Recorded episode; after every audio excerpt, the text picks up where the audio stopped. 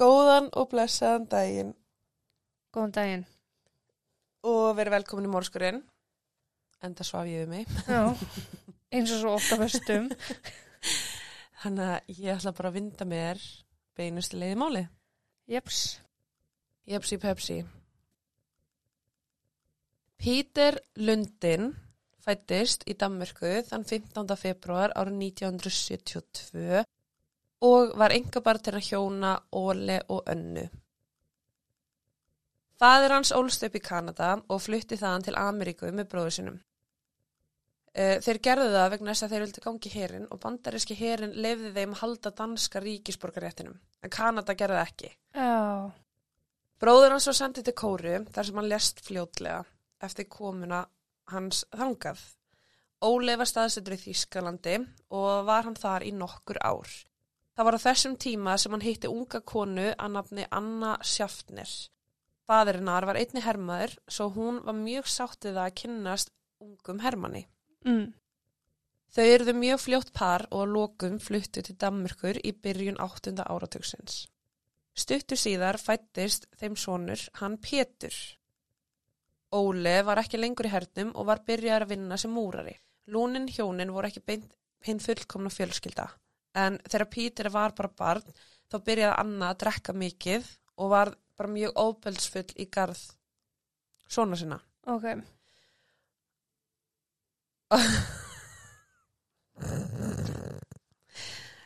Ok, ég held alltaf að vera komin tveir sinir að því ég sagði Pítur og Pétur. en sem sagt, Pétur og Pítur er sami gæinn og ég mun örgulega flakka milli. Já, Whatever. Þannig hún varð ofbelsfull full við svon sinn. Já. Óli var mikið fjárverandi sem að sundraði fjölskylduna en þau byggju húsi sem hann hafi sjálfur byggt og urðu fyrir mikla áfalli þegar hann fekk blóðtapa og þurfti að stytta vinnutíma sinn. Það olli fjárhagsvandræðum og húsið er að vara endanum tekið af þeim. Ég vonum að breyting myndi bæta hlutina þá fluttuðu til bandaríkjana árið 1980 þegar Pítur var 8 ára gamall. Þau byggu í Flórida um tíma áður en að þau lögðu leysina til Maggie Valley í norður Karolínu. Því miður gáttu þau ekki bjarga vandamálunum heima fyrir og andrúsloftið inn á heimilinu var bara mjög slæmt. já, Óle og Anna heldu áfram að berjast við tíman og Pítur mann eftir því að hafa horta á sér rifrildi og séð bara mjög móðgandi hegðun föður síns í garðmóður hans. Þau voru sérst á þess tímbili, hún alltaf var óbelsfull já, en nú var hann byrjar að vera líka bara, þú veist, með mikið óbeldi ok, ok. og það var bara ákveðin vítarhingur. Hinn ungi Pítur var því ekki ókunnur óbeldi þar sem að líkamlegt óbeldi föður hans fór líka, sérst, byrja að beinast gegn honum. Með enga fjölskyldu eða gamla vini kringu sig var fjölskyldan mjög einangruð og enginn vissi hvað var að gerast á bakið luktar dyr.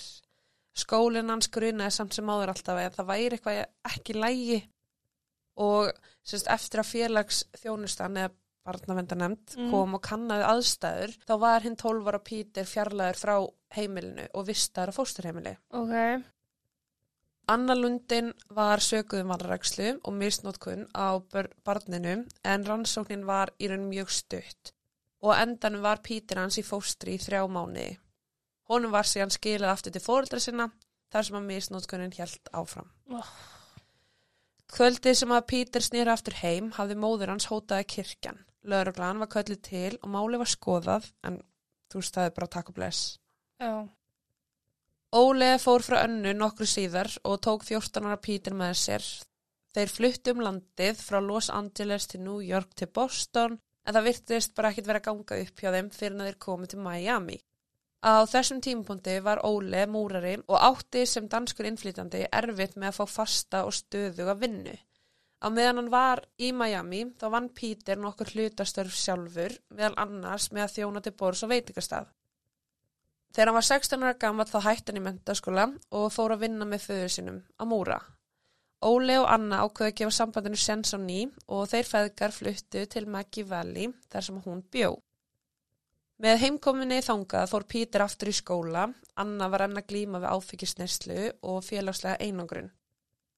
Maggie Valley var mjög lítill bær og Anna átti erfitt með eignast vini þar. Hún saknaði lífsins í Þýskalandi og snýri raun bara áfengi til að fylla dagana. Hún Já. hafði ekkert að gera, hún hafði ekkert til að hitta, þú veist, ok, kannski ekkert eitthvað besta leiðin en hvað annað á maður að gera, skilur. Drykjan gerði hana árásagjarna og jók ofbeldi hennar í garð svona síns. Hegðun hennar var stjórnlaus og Óli ákveða að það væri komin tími til að grípa til aðgerða. Hann fann að ef hún snýri aftur til Þýskalands þá myndi hún líklegast verða hamingsamri á ný svo hann ákveða að það væri best ef hún myndi fara þangað og flytja aftur heim til Múnsen til sinna fjölskyldu. Já, Hann og Pítur ógu önnu til Atlanta þaðan sem hún myndi fljúa aftur til Þýskalands en það endist ekki lengi og fljótlega var Anna komin aftur til Maggi Valli til að halda áfram lífi sinu með Óli og Pítur. Á þessum tíma hafði hlutinir snúist gjörsalega við. Anna var nú fyrir alvarlegu, andlu og líkamlegu ofbeldi að hálfu eigimann síns og svona síns. já, sæl. Nágrannar heyrðu hávær á tökureglulega og hringdi laurugluna uh, sem að kom og sleit bara í sundur ágruningin en þeir gerði ekki neitt. Nei, Óli og Pítur höfðu meðal annars bundið hana við stól í eitt skipti og voru að skiptast á við að berja hana. Í tveimur aðskildum tilvikum þá handlegsbrutu þeir önnu. Bara sem þeir kildi hana það oft að hún handlegsbrotnaði. Jesus. Pítur viðkendi líka að hann og fadir hans ha, höfðu sérst rætt um að drepa hana nokkru sinnum. En þeir voru druknir mest allan tíman þegar þessa samræður átt sér stað. En þetta er ekkit eðlilega samræður Nei. því mataboru með pappaðinum. Nei, Þeir var að fara að drepa hana núna. því ég, já, Já. Pítur var líka að nota eitulif og sumar skýslur herma eftir því að hann hafði jafnvel verið að selja Marujana í skólanum sínum. Þess, hann var bara, kom frá brotnu heimili og up to no good. Já. Í april árið 91 var Anna drukkin og kom að Pítur sem var þá orðið 19 ára gamall með skæri og reyndi að klippa síða hárið hans af. Pítur var reyður og svaraði að þann eina hátt sem hann kunni, með ofbeldi. Mm. Í reyðiskastinu greip hann um hálsmóðu sinnar og kæfði hana til bana. Hann skildi hana síðan eftir og fór í veistlu og hjælt bara frá djáminu. Já, Þegar hann kom tilbaka þá var móður hans ekki á lífi, hún hafði ekki hreift sig af gólfinu þar sem hann skildi hana eftir. Þess að hann hugsaði bara, ok, þú veist, hún er meðtundalaus, ég ætla bara að fara að djamma Já, og svo bara eitthvað, ok, she's still here, þú mm. veist, já. Um, það myndi líða sjö mánir þar til að lík hennar myndi finnast af vegfærendum sem að, sest, að þá hafði það skólað upp á strönd við Cape Hatteras meira en marga kílometra frá Maggie Valley. já, Já, Maggie 600, 650 já. kílometra. Hún var langt komin á stigi niðurbróts og lögreglan eitti fjórum mánum í að reyna að bera kennsl á líkið. Lögreglan fekk það óbyrtingu þegar fjölskyldanar í Þýskalandi tilkynnt hana tinda. Þeir höfðu hvorki náði önnu, Óli, nýja Pítur og höfðu sérst áhyggjur af öryggjera. Þegar lögreglan frétti af óbyrðsfulla heimilislífi önnu þá grunaði þeim að eiginmaður hennar að sonur bæru ábyrð á morðinu. Mm. Þann 7. júni árið 92, meirinn ára eftir morðið á henni, voru Óli og Pítur handteknir á hóteli í Toronto þar sem að eh, voru bara að fela sig. Þeir voru fluttir aftur til Dare County þar sem að þeir byður í eftirhalda í gerstuvaraldi. Pítur játaði mandrapa gálesi og var dæmdur í 20 ára fangelsi í júli árið 92. Verjundur hans óskuði eftir áfríun og heldi því fram að dómurinn væri hann of harður. 20 ár fyrir mandrapa gálesi. En var þetta mandrapa gálesi? Nákvæmlega. Já. Dómarinn taldi að kirkingin væri engin tilviljun, varðla slis og að það hafi bent til ákveðnar ílsku. Mm Verjendur hans heldu því fram að dómarinn hefði í raun ekkert átt að nota orðið ílska, að því dómarinn alltaf á að vera hlutlaus Já. og óvilhallur, Mm já. Og að það hefði sérst átt að vera eitthvað annað til staðar til að réttlæta þessa hámarksfangilsis refsingu, Annað en ílska. alveg annað en að hann væri bara illur, skilur ég. Þannig að hæstaréttu fælst á það og var refsing hans lækku nýr í 15 ár. Ok. Óli játaði einnig þátt sinni í glæpnum þegar Pítur sagði honum að hann hafi myrt móður sinna fyrir slisni þá hafði Óli val. Hann gætt hringt í laurugluna eða hann gætt hjálpa síðan sinum að hilma yfir því sem að hafði gerst. Og við vitum náttúrulega báðar hvora leiðina hann valdi Uh -huh. þar sem hann fannst uh, mánuðum síðar. Þeir vöfðu líkin hannar í blátt teppi og bundið það saman með bandi og limbandi. Óli óg með síni sínum alla leiðina til Buxton þar sem að þeir grófi líkanar í sandin. Hann átti þessi á því að spurningar myndi vakna ef þeir snýru aftur til Maggi Valli, þú veist, án önnu Já, mitt. og því stakk hann upp á því að þeir myndi bara fara til Kanada í staðin. Ok, Þá var þeir sérst bara fluttir og það er enginn að spurja. já. Fyrir sitt hlutverk fekk Óli tvö ár í fangelsi. Finnst það nú helvíti vel sloppið. Já, hann er að hilma yfir þessu sko. Alveg feitt, sko. Þetta er líka, þú veist, þarna slæm meðferð á líki Já. og það er þetta hindra framgang réttvísunar, Uh -huh. þú veist. Vegna þess að þeir voru báðir danski ríkisborgarar, þá voru þeir endursendir til Danmörkur þegar þeir sluppu út að lokum. Endursendir. Þú sem pakkar. Þá voru þeir framseldir. Ég veit, ekki, ég veit ekki hvort þú sé vitlega Nei, það er framseldir. en nú aftur, ég var að vakna fyrir fimm minnum. Peter skildi ekki hvers vegna morðið á móður sinni var svona mikið mál fyrir yfirvöldum og almenning. Alvarlegi málsins þá. Já, hann, en þú veist að því að í kjölfarið kom náttúrulega umræðan fram um þetta áðbeldi sem að hann var að verða fyrir á hennar hálfu vegna þess að auðvitað nota verðundur hans, Mm, þú veist, bara allt sem þeir geta. Og hann kom fram sjálfur og hann sagði bara, þú veist, út af þessu máli mm, að þá er búið að láta mömmu líta út fyrir að vera minni manneski en hún var. Þú veist, bara þetta var móðir mín, þetta var vinnu minn hún var ekki ofur, ofurölvi, hún var ekki neitt. Þú veist, hún hafði sín vandamál, já, en þetta var samt mamma mín já, já. Og það er náttúrulega hann er bara hjá börnum sem eru í svona aðstöðum. Þau Já. elska alltaf fólk sína. mm Samt sem áður síndi hann aldrei yðrun fyrir að hafa myrt móður sinna. Þegar hann lísti morðinu í endurminningum sínum þá held hann því fram að honum fyndist morðið sérst, ekkert með lauruglu hafa að gera. Uh, Hann skildi ekki hvernig ríkið og lauruglan væri að skipta sér af þessu engamáli. Þetta er sérst bara, heimilis- hans og hennar. já, milli þeirra að tvekja. Af hverju er lauruglan allt í hennu eða ríkið að hafa ykkur afskipti af þessu engamáli og hann sagði bara, þú veist, ég gerði það sem ég gerði til að komast undan hún alltaf langaði ekki í fangelsi fyrir Nei. eitthvað sem að var engamál. Mm. Þetta er rosalega sérstöglega til að líta hlutina. Já, ég held að lýsi sér svolítið líka bara hvernig maður Peter. Þrátt fyrir hægðin hennar gagvart Pítur og meðan hún var á lífi þá varði hann alltaf orðstýr hennar og því meira sem hann varðana því betur varð honum eitt ljóst. Það var hann sem var sjálfur skrimslið. Nú, ok. Þegar hún kom heim til að vinna úr hlutunum þá drapa hann hana með berum höndum og hendi síðan líkin hennar á ströndina. Hann bar nákvæmlega enga virðingu fyrir henni og það var í raun bara mjög skrítið að hann væri eitthvað að reyna að vernda orðspúr hennar eftir að hún var í dáin. Mm. Peter var mjög hreinskilin og hrókufullur sem að skilaði honum engum vinsældum í fangilsi. Hann var árásagjarn og lemti ítrekka í vandræðum, vandræðum vegna slagsmála og fíknefna neyslu. Hann eitti tíma í einangrun vegna ógnandi og óbilsfullrar framkomu í garð annara.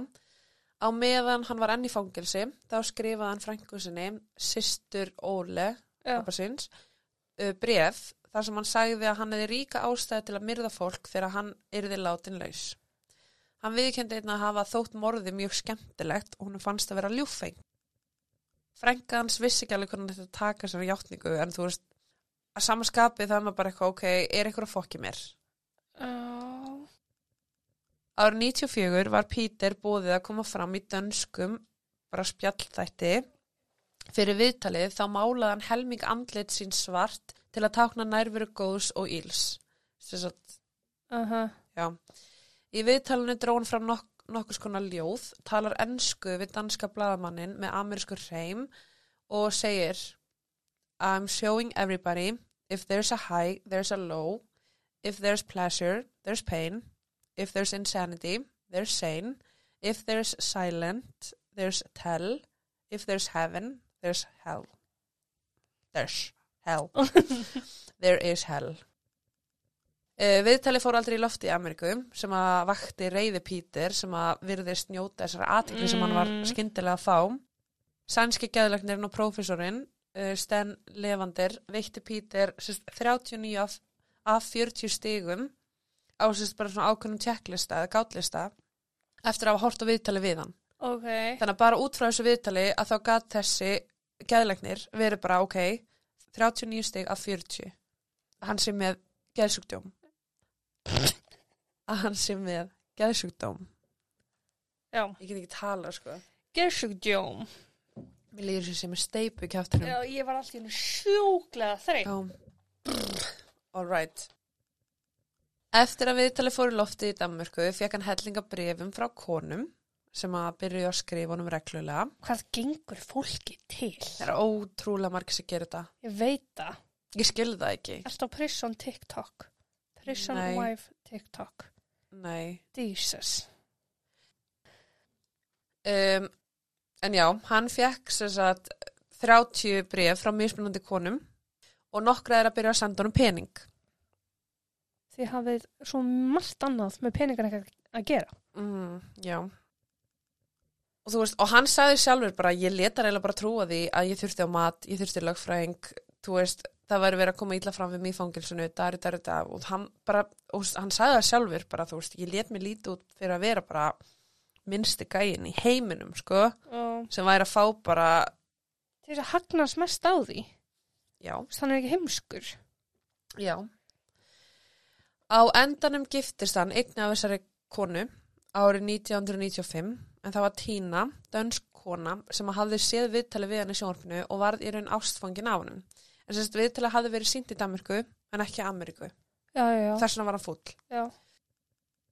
Hún flög frá Danmarku til Norður Karolínum til að hitta pennavinn sinn í fangelsi án þess að vita í raun að bráðum yrðu þau saman. Mm. að því árið 99 þá var mjög mikil of fjölgun í fangilsinu þar sem að Pítur var Mm. og hann var því látin laus eftir að hafa afplana 6 árum af 15 ára dómi. Af hverju er ykkur gæi sem drap í gær hættulegri heldur en gæi sem að drap fyrir 6 árum Mhm. sem að er mögulega með áform um eitthvað meira Mm þú veist hvernig velur og hafnar jú ok, hann er búin að setja þú veist auðvitað en mér finnst að lámarki helmingsdóm Það, ég, að Það er- sko, er lágmark. Já. Þrýr fjórðu finnst mér lágmark. Tveir þriðju, annarkort. já, þannig að þú veist, 6 ára, 15 árum það er ekki neitt Nei. þannig að hann var sagt framseldur hann var sagt uh, var komin aftur til Danmörkur og Mm. var orðin frjáls maður þar sem að hann var talin vera óbelsfullur og hættilegur þá voru fjóri lögreglumenn fengnir til þess að fylgja honum í flugið og tryggja öryggi flugmannsins og áhandarinnar Jesus Christ. Og þetta er maðurinn sem ákveða að Akkurat. sleppa lausum. en þetta er svolítið mikið þú veist er, þetta er Amerika Já, losum okkur við þá sem að eru sem sagt, ekki með amerískan ríkisborgarrétt Mm, og leifum þú veist þá þeir, þeirra heimaríki mhm. að sjá um þetta Mm. og þetta, þá er þetta ekki lengur þeirra vandamál þeir þurfa ekki að borgunda þá, þeir þurfa ekki að gera neitt og það er bara, þú veist, rosalega auðvelt eins fáröld á hljómar, auðvelt fyrir þá að bara framselja á heim, Já, ekki lengur þeirra vandamál nákvæmlega. uh, þrátt fyrir að þessi fjóru lögreglumenn hefðu náttúrulega verið fengnir hana til að fylgja honum, þú veist, til að tryggja öryggi fólks í kringum hann, Já. að þá var hann látin laus án eftirlits Pítur var því frjálst að gera hvað sem hann langaði án nokkurs konar eftirlits danskra yfirvalda Mm. Óli var þegar komin aftur og bjóð í Danmörku þar sem að hann var fluttur frá Ameríku eftir að hann hafi verið látin laus ár 94. Pítur sem að átti þess á því hversu ábútasamt þessi Rómeó Júlia áallin hans var Mm. hjælt áfram sambandi við flestar hinnar konurnar sem hann, skri, sem hann skrifa honum á meðan hann satt í fangelsi Já, á meðan hann var giftur Tínu. já. Einn þeirra sendi honum meðal annars bref með 30.000 dönskum krónum sem að fór í raun bara í nýföt og vændiskonur þegar hann kom aftur heim til Danmörkur. Smart. Við komin að þanga þá bjó Pítur með einkonu sinni Tínu og unli, un, unlingsdóttur hennar. Seinna hjælt hann því fram að hann hafi einungi skipst henni svo hann hefði húsnæði þegar hann myndi losna úr fangilsi. Þannig að hann var í raun ekki að skuldbunda sig sambandinu þeirra og hann vantaði bara samastað. Mm. Snemma árs árið 2000 eignust þau son sem fekk nafni Nikolas. Eftir aðeins nokkra mánuða samband með Tínu þá réðist hann á hana og dótturinnar. Tína fekk nóg og hendur honum út. Hann hafði hvergi að fara og ákvaða að finna sér stað í Karla atkvarfinu. Á þessum tíma kynntist hann Mari N. Pettersson á nuttstofu sem að gengdi hlutverki bara hóruhús Mm. eða vænd, vændishús. Mm -hmm. Ég veit ekki hvað ég á að segja. Sorry ef þetta er rámt orð. En, já. Marianne og látin eiginmaður hennar höfðu sérst opnað þessa stofu, Uh. nuttstofu, áður og þegar hann lést þá vann hún sérst sjálf á stofunni bara til að framfæra. Fjölskyldina eða eitthvað. Já, Já. Sinir hennar, Dennis og Brian voru 12 og 10 ára. Dennis og Brian áttu síðan 24 ára gamlan hálfbróður Martin sem var í stjúpsonur hennar sem var sérst sonur látins eigimanns hennar. Já, já, ok. Áður en langt um leiði voru Pítur og Marian elskendur en réttir að samband þeirra fóru að vaksa þá flutti hann aftur inn til eiginkonu sinnar Tínu. Þetta þýtti þó ekki alveg að hann væri búin með Marian og heldur hann áfram að hitta hana á bakvið Tínu. Ok. Mánudaginn 3. júni árið 2000 kom Martin, stjúpsonur Marian, heim til hennar eftir að hann heyrði, hafði ekki heyrt í henni í nokkuð tíma. Á hurðinni fann hann miða sem að segja að fjölskyldan yrði utanbæjar til 28. júni. Það var mjög ólíkt henni að fara án þess að segja einhvern frá því og honum fannst það mjög skrítið að hún skildi að skilja eftir miða á útidröhurðinni. Já, Þú veist, ef ég fyrir frí og svo setjum post-it miða á útidröhurðinni, hæ, ég er í fríi. það er skrítið. Já, það, það er mjög skrítið. Hann ákvað því að fara bara en gatir hann ekkert viki frá þessari tilfinningu að það væri eitthvað að. Nei. Tveimundum síðar kom hann aftur og fann nýjan miða. Að þessu sinni var sagt að þau myndi verið utanbæður til 28. júli. Hvað er það að skreppa heim og setja nýja með á? Já. Æ, fjandinn snúa við. Ég ætla að breyta dagstringunum þannig að allir sem kom í heimsókn á þessu tímbili viti hve, hvernig ég kem heim. Já. Dennis og Brian áttu sérst á þessu tíma að vera í skólabúðum en Martin komst að því að þeir koma aldrei þangað. Það var því komin tími til að láta lauruglan vita. Lauruglan mætta heimilennar og br brutu þeir sér leiði gegnum hurðina. Húsgögnin voru þakin plasti og lyktin af hreinsefni var gríðaleg. Einhver hafði reynd að leina ykkur hana og annarkvort var því ekki alveg lokið eða það hafði ekki tekist almennilega. Mm. Martin sagði lauruglunni að Mariann hafi alltaf haldið húsinu sínu hreinu og snirtilum og hún myndi aldrei bara fara burt og skilja allt eftir. Nei. Það leit samt sem áður ekkit út fyrir eitthvað sagnæmt það átt sér stað.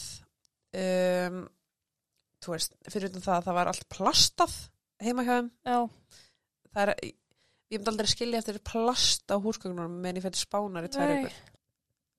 Við nánari skoðun þá fundir ansóknumenn blóðbletti í rúmunenna Mariann á baðherbrygginu, á skurðbretti í eldúsinu og innan í bílnum hennar og það var gífurlegt magn af blóði í bílskurnum. Niðurstaðan var svo að Mariann, Dennis og Brian höfðu öll verið myrt. bara út frá blóðmagninu. Já. Oh my god, ok. Þeir komist að því að Mariann og sinir hennar sáu síðast á sérst, lokahófi í skólanum hjá Dennis og Brian þann 16. júni. Mm. Í veislunni sást til hennar rífast við mann sem að talaði dönsku með amerískum hreim. Það tók því lögregluna ekki langa tíma að komast að því að umværa ræða kærast hennar Pítur Lundin og þeir ákveður sérst að elda hann uppi. Þann 5. júli árið 2000 var hann handtekinn og eiginkona hans Tína var einnig handtekinn vegna þess að hún hafði sérst að hóta Mariann á okkur tímpundi eftir hún komst að því að Já, já, þau átti ástasambandi. Þannig að þau voru bara tekin inn og farið með þau í gæsluvarhald á meðan rannsókn málsins stóð. Já. Þegar hann var í gæsluvarhaldi þá held hann því fram að Mariann hafi farið með sinni sína í frí og hann hafi lofað að mála húsið á meðan að þau var í burtu. Með blóðinu er að það. Já. Kannski málinn kostnaður sem í Danmörku, ég veit það ekki. Já. Þegar lögreglan spurði hann út í eigur hennar sem að fundust heima hjá honum þá gata hann er ekkit útskýrta. Af því að náttúrulega kannski eigur hans heima hjá henni, Já. já, þetta er kærastinn, en eigur hennar heima hjá einkonunni, nei, Það meikar ekki sens. Hann var með fullt af pening, hann var með úrklipp úr vegabrifin hennar sem að innihjalt mynd og svo var hann með undirskrift hjá sagt, kortin hennar sem að gekkað bara einhverju láfuru verslun á svæðinu. Mm. Lögreglan fann einnig exi með blóði Mariann heima hjá honum. Uh, Blóð hennar fannst í Ford Fiesta bílnum hans sem að gaf til kynna hann hafi líklegast notað sinn eigin bíl til þess að farga líkinu eða hluta líkinu. Með öll þessi sönnagögn gegn sér þá ákvaði hann að segja lögreglunni frá því sem að gerðist. Þetta er að gerast mjög fljótt. Þú veist það er bara kærastinn, gæsluvarald, já, kalli minn, Já. hvað er að gerast? Já. Sem er gott. sem er mjög gott. Það held í fram að Mariann hafi verið á einhverjum efnum Ok. og þegar hann kom heim til hennar þá sá hann hana standa yfir líkum tveggja svona sinna. Þegar Peter sá að hún hafi myrt á, hún, Mm. þá réðst hann á hana og drap hana fyrir slisni. Já, úps. Hann áttaði sig á því að lögregla myndi ekki trúunum vegna fyrri sagfellingar, Mm. þannig hann ákvað að þrýfa vettvangin. Já. Sankvæmt honum til að hilma yfir þessum morðum, nota bene hann draf bara já. vegna þess að hún draf sinni sína. Akkurat. Hann skar þau í búta í baðkarnu og styrtunni. Hann skar og braut fætur hennar með nýpnum úr eldúsinu og notaði sko meðal annars skurð brettið í eldúsinu til að sagt skera í minni parta. Já, hérna, eins mikið og við tölum um alls konar viðbjóð. Beinbrot. Beinbrot Er og það- þeirra tennur eru Já, teknar. það er það ógeðsl og, og hérna neglur. Já, neglur. Það er bara eitthvað sem ég meika ekki. Nei. Ég er ekki svona viðkom fyrir tönnum samt eins og þú, sko. Og bara, En beinbrot, ég er alveg bara, já. Ég er líka ímyndið með hljóðið. já, Eða. En já, þau voru sérst öll þrjú bara bútuð í marga bita. Líkamspörtunum var síðan pakkað í svarta plastboka og hent bara sem úrgangur. já, Já, og það er sko, þú veist, það er lífrætt úrgangur já, og svo er plast og svo er almennt rusl. mm. Þeim var hent sem lífrætt úrgangur. Oh. Já. Og ég veit ekki, þú veist, er ekki þessi úrgangur búin, þú veist, það búið til mold og eitthvað úr þessu? Jú. Akkurat. Og eins og þú sagði svo Að moldu eru við komin, að moldu skulum við gerða. Er að verða. Um, þrátt fyrir að játningans hafi verið náttúrulega bara hræðileg að þá stangast þessi játningans á við rannsók lögreglu. Blóði í kjallarnum benti til þess að líkið hafi verið sundurskorið með exi og það fundust yfir 100 axar för á. Eitt hundrað. Já, þannig að hann er að segja að hann hafi skorið og brotið fæturinnar í eldursinu sagt, í baðkarnu en í ljós kom að hann lagði líkin á gólfið í kjallarnum og hundra skipti þar sem hann var bara að höggva í líkamann. Doink, doink, doink, doink. Og uh, hinn líkin, sagt Dennis og Brian, Mm. þeir voru settur í sagt svona grændir. Angle grinder. Mm. Á meðan að Pítur var að þrýfa húsið hennar Mariann þá ringdi Tína í hann og baða hann um að koma heim svo hann hendi nokkrum líkamspörtum í póka og keiriði heim til sinn. Hann hafði skilið eftir miðan um ófyrirhugaða ferðina á hurðinni Já. vegna þess að hann vissi sérst að tengdafæðurnar átti að koma í heimsókn á næstu dögum. Já, ok. Þegar hann kom, þá hendi hann einum að þessum póka í rusli á sér sem að nákvæmni varði raun vitni af. Hann snýri aftur heim til Mariann á mándagsmorgni eftir morðin og var fagnað með nýstandi lykt af rótnin. Hann setti líkin þá í fristin til að geima þau þar til hann geti fargað þeim á réttan hátt. Pítur fór síðan í íbúð þau síns, Óli, þar sem hann fekk lánaðan, sem sagt, The Grinder, og sagði að hann væri að mála og gera upp heimili Mariann og væri bara að gera eitthvað svona vinnu í garðinum Mm. að þyrfti hann á þess að halda. Hann keifti einni exi til að höggva upp frosnu líkin. Hann losaði sig að loku við líkaslutuna sem að eftir voru í sorp ílát fyrir utan heimili Óli, föður síns. Mm. Þegar lögreglan sapnaði fleiri sönnugögnum gegn honum þá var hann kvartur til að endur skoða útgáfu sína á atbyrðinum. Þann 10. oktober, þremi mánuðum eftir að hann var handtekinn, þá breytt hann sögunum sinni enn á ný. Hann sagði að 16. júni hafa hann átti rifrildum við Mariann. Rifrildin byrjuði í veistlu og heldur áfram eftir að þau komu heim. Hann heldi fram að hann væri reyður vegna þess að hann hefði heyrt hann að tala ljúflega við annan mann í síman og varð afbríðsamur. Gæinn sem er með 29 konur Nákvæmlega. í bref samskiptum. Uh -huh. Í hitaleiksins þá braut hann hálsun hennar fyrir slistni. Þú Sag- gerir ekki þessa hluti fyrir slistni. Nei. Þú veist, ok, þú getur alveg kyrt eitthvað til dauða fyrir slisni, alveg svo þú getur kýlt eitthvað til dauða fyrir slisni. já, já. Þú veist, það er náttúrulega aldrei slis um leið og þú gerir þetta, en þetta er kannski ekki beint að þú ert með ásetning til þess að drepa aðra. En á sama skapi, þú veist, það er svo sem það sem ég meina, það er ásetningur þarna. Já. Samkvæmt játningu hans hjá lauruglum þá braut hann hálsin á henni þegar Dennis kom inn í herbyggið. Úlingurinn reyndi að hjálpa móður sinni og dró Pítur í burtu á hárnás en hann var sérst með sítt svart hár. Mm. Til að bregðast við þessu þá snýri Pítur reyðið sinni að Dennis og hálsbraut hann. Rétt eins og hann hefði líka gert við móður sinna. Svo kom Brian inn í herbyggið og í kjölfari kom til slagsmála þar sem að tíu ára strákurinn beit hendin á Pítur. Blóð Bræjans fannst á rúminu sem að leiti til þess að lögreglan held í fram að hann hefði náð að flýja svefnherbyggið áður en hann var myrtur. Mm. Pítur sagði að dauði drengina hafi ekki verið hróttalegir. Að þannig er hann búin að viðkynna að hann draf þá Já, og hann er að að gera lítið úr atbyrðum. já. Sumar fréttir greindi frá því að Mariann hafði ekki vitað af fortíðin hans. Í flestum morðmálum er lögreglan með lík og þarf að finna morðingjan en þarna eru þeir með morðingja og þurfa að finna líkið. Mm.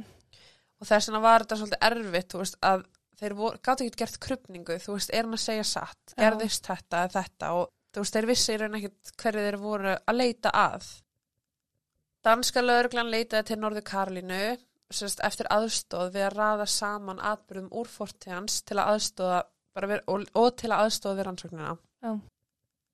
Þann 15. mars árið 2001 eftir tíu daga yfirherslu og réttarhöld að þá var Pítur fundin segur fyrir morð, þrjú morð og ósamilega meðferð á líki. Já, gott.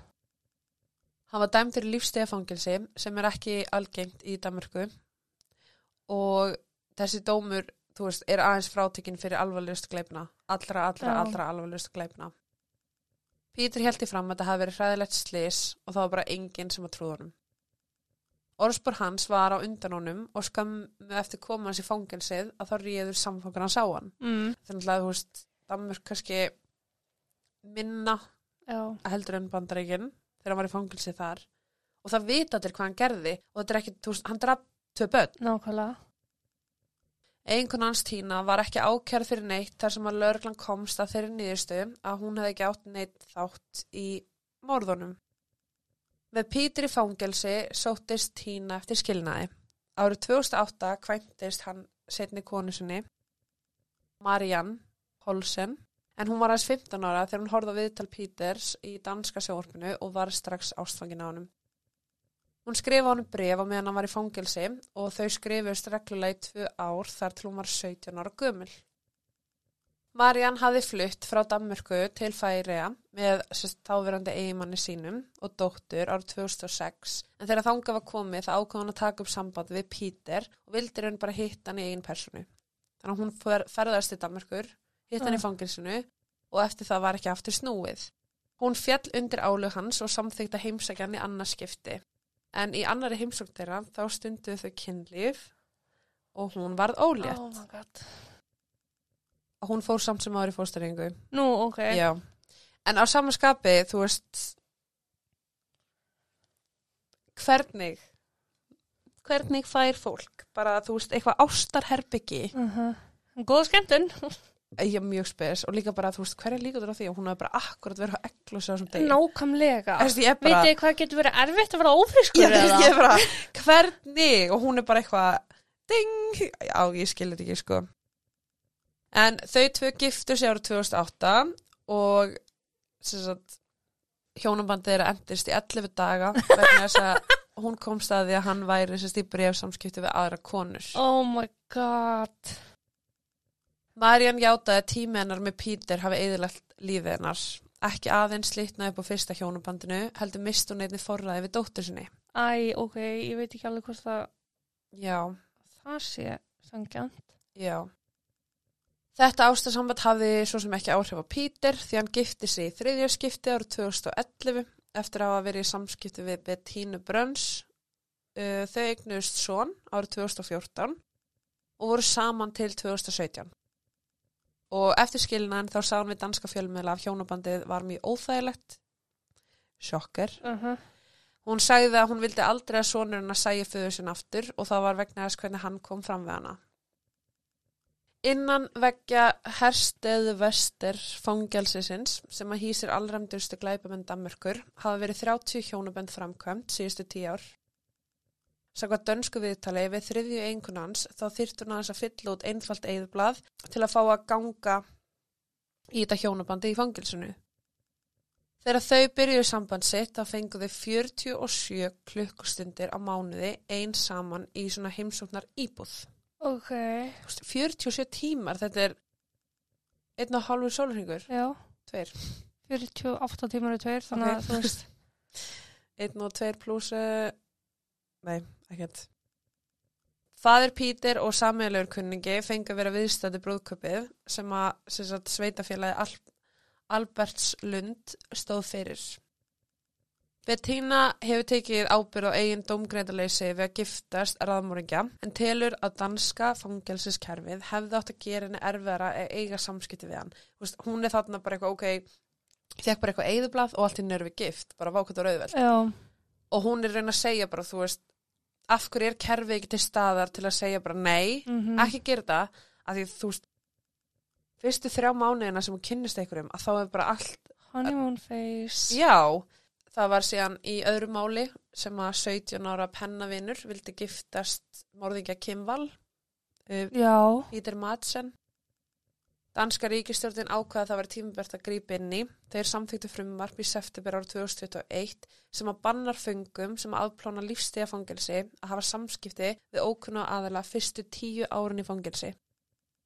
Þannig að þeir með einugis hafa samband við fjölskyldu og vini sem þeir þekktu áður en þeir fóru í fangelsið. ætli það sé bara því að umfjöllunin um þá sé svo mikil að þeir draga að sér aðtikli.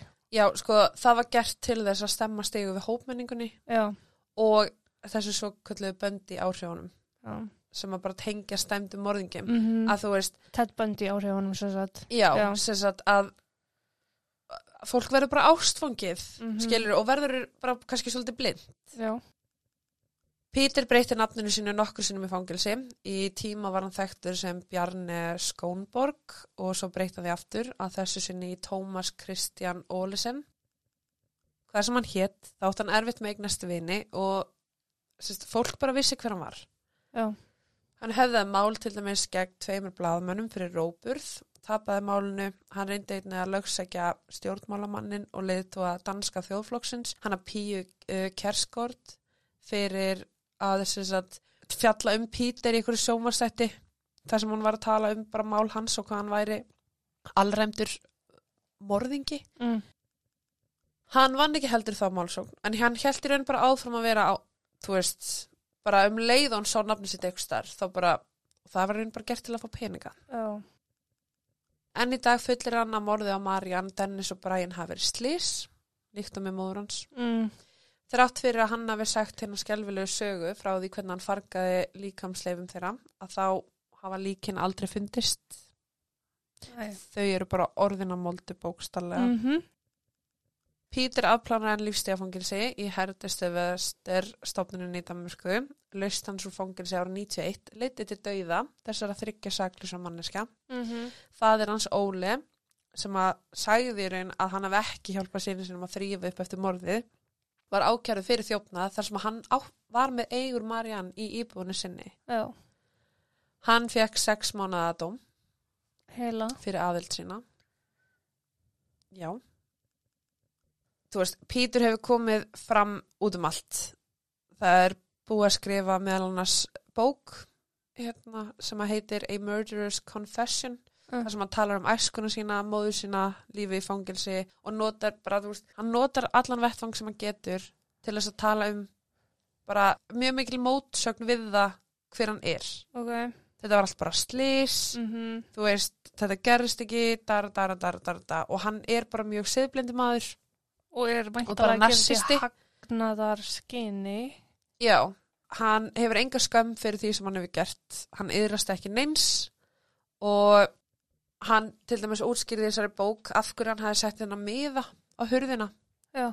sem að í raunilega fokkaði, eða þú veist, eðilega fyrir honum af því það let Stjúpsson hennar vera eitthvað, Mm. ok, hún myndi aldrei Já, skrifa hennar einmitt. miða. Og hann sagði bara, þú veist, að honum fannst að hafa verið fallið tilhugsun hann líka með tala um að þú veist, ástæðan fyrir þessu eða, þú veist, fyrir þessu miða er að honum fannst að, eins og ég segja, honum fannst að hljóma betur já, vegna þess að ef að einhver deyri bílslisi sem þú þekkir, mm. að þá betra fyrir því að halda að maðurinn sé bara í Kína sem að dó í bílslisinu okay. og hann í raun var bara eitthvað, það er öllu fyrir bestu að fólk heldur bara að þau séu í fríi. Það þarf enginn að vita hvað gerðist. Þú veist, og enn og aftur þetta þetta er mitt engamál, þetta kemur einhver við. Já, bara eitthvað, sorry kallið minn en það er allir rétt að vita. Mhm. Það er ekki hans að taka ákvörðum fyrir fórnalömbin nei, og hann var bara rosalega mikið, hann var bara svona svolítið raunveruleika skertur. Já, er raunveruleika skertur. Uh, yfirvöld í bandaríkjunum og Danmörku voru, sérst, fengu mikla gaggrina á sig fyrir það, sko, það eru margir sem að vilja meina að hann hefði ekki átt að geta búið í Danmörku sem frjáls maður já. Sérstaklega eftir að hann aðplana ekki öllum dómnum og sérstaklega ekki helmingdómsins hann hefði bara, það er bara eins og hérna Thomas Möller. Já, hann fór úr fangilsi hérðan og yfir í fangilsi annar staðar. Já. Þannig að þú veist, það er alveg búið að gaggrina en ég minna samanskapi, hvað hefðu þau að gera? Ok, jú, þau hefðu kannski geta bara framselt hann í fangelsi í Danmörku Mhm. og þú veist, láta hann klára aðplana dómsinn þar en þau hafa bara ekki nefnt að standa í þau hefðu ekki nefnt að standi og Danmörk þú veist, dönsku yfirvild hafa pótt ekki vilja borga fyrir það Nei. en þetta er svo mikið bilun samt að því maður er að horfa á þú veist eins og það búið svo mikið umfjölluninni umfjölluninni þetta var flott síðustu ár að uh, menn sem eru dökkir hörund er að fá sko því líka dóma fyrir fíknefnarsölu uh -huh. á meðan hvítir menn komast upp með þetta Uh -huh.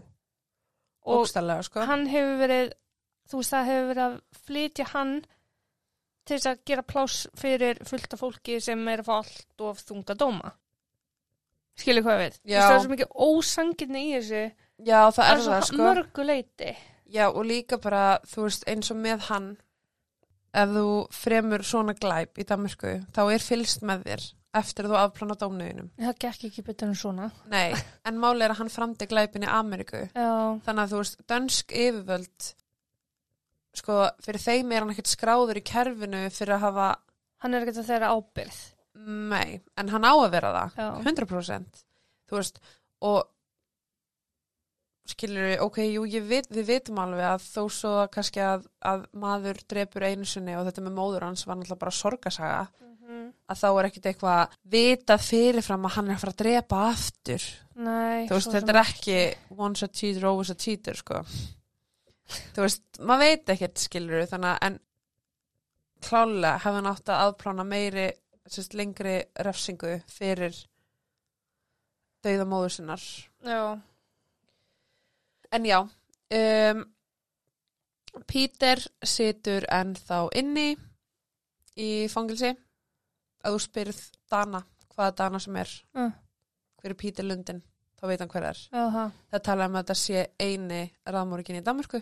Já, Svo far þó svo hann sé bara með fjögur morð. mhm Þú veist, þetta er eini actually raðmórikinn Mm. og sérstaklega okkar tíma. Og já, þú veist bara, þessi morðans voru mjög skrítin. Veist, Að drepa kæristuna sinna já, börnin hennar börnin hennar, já um, en já málinu er þar með lokið þú veist, ég ekkert við þetta bæta nei, nema bara um leið og þú serð Peter þú ert ekki eftir að ímyndaðar hann eins og Peter er. Ekki. Að því þegar ég sá mynda Peter að þá var ég bara, þetta er ekki Peter. Ég er að hugsa með mér eitthvað svona gæja eins og Ed Gein eða eitthvað. Já, Ég ég er er, hugsa- ég er að sjá fyrir mig svoleiðis Já, sko. ég er, ég er að sjá fyrir mig þannig gæja, sko. ég er hérna hann Osborn ég er að sjá hann fyrir mér. Ossi Osborn. já, Já, ok, þetta er ógislega líkt Ossi Osborn. Ég var, ekki að sjá, það? ég var ekki að sjá það fyrir mér. ég er búin að sjá fyrir mér Ossi Osborn hérna bara allan tíman eftir hárið. sítt svart hár Já, um, ok, já, ég veit ekki, þú veist, ég er að sjá fyrir mér svona allt annað gæja, sko, allur en þú. En það er bara þegar ég sá myndan og hugsaði bara, hvað er þetta? þetta er nákvæmlega eins og ég sá hann fyrir mér Oh my god, ég, sko, nákvæmlega Já. ok, hann er samt alveg myndalegur Ég- Jóna, þú ert ekki að fara að skrifa honum. Nei, ég lofa. Ég En- treyst þér ekki lengur sko myndir á honum. en sko, það sem ég á við, þú veist, eins og þú, að þú sagði Ted Bundy effekt. Já. Ég skil það tölvöld betur núna sem mynda á hann, sko. Ted Bundy eða Bundy áhrifin er bara hræðileg sko. Já, Vegna þess að það á ekki vera að veita hræðilegu, svona hræðilegu fólki sem gerir þetta aftur og aftur og aftur og aftur, og aftur. Mhm. Þú veist, auðvitað getur fólk mistið í sig. Það gerist. En fólk sem að, þú veist, gerir þetta aftur, aftur, aftur, aftur, aftur. Af hverju er það alltaf fólki sem er að fá aðtöklina? Nákvæmlega. Og svo er þú veist í alvörunni geðvikt næs fólk að borga fjögurskalla mánuði fyrir Tinder Plus. Já. Og það er ekkert. Ég skil það ekki. Næ. Skil það ekki. Kostar Tinder plus 4.000 kall á mánuði? Kannski ekki. Ég veit það ekki. Ok. Mér fannst það bara raunhæft verð. Já, shit. Já. En já. Herðu, ég ætla þá bara að segja takk og bless Já, og það er til næst og uh, afsækið þennan þreytulega föstudags upptöku dags þátt sem kemur út á miðgudegi. Já. um, já, takk og bless. takk og bless. Það er til næst. Thank you.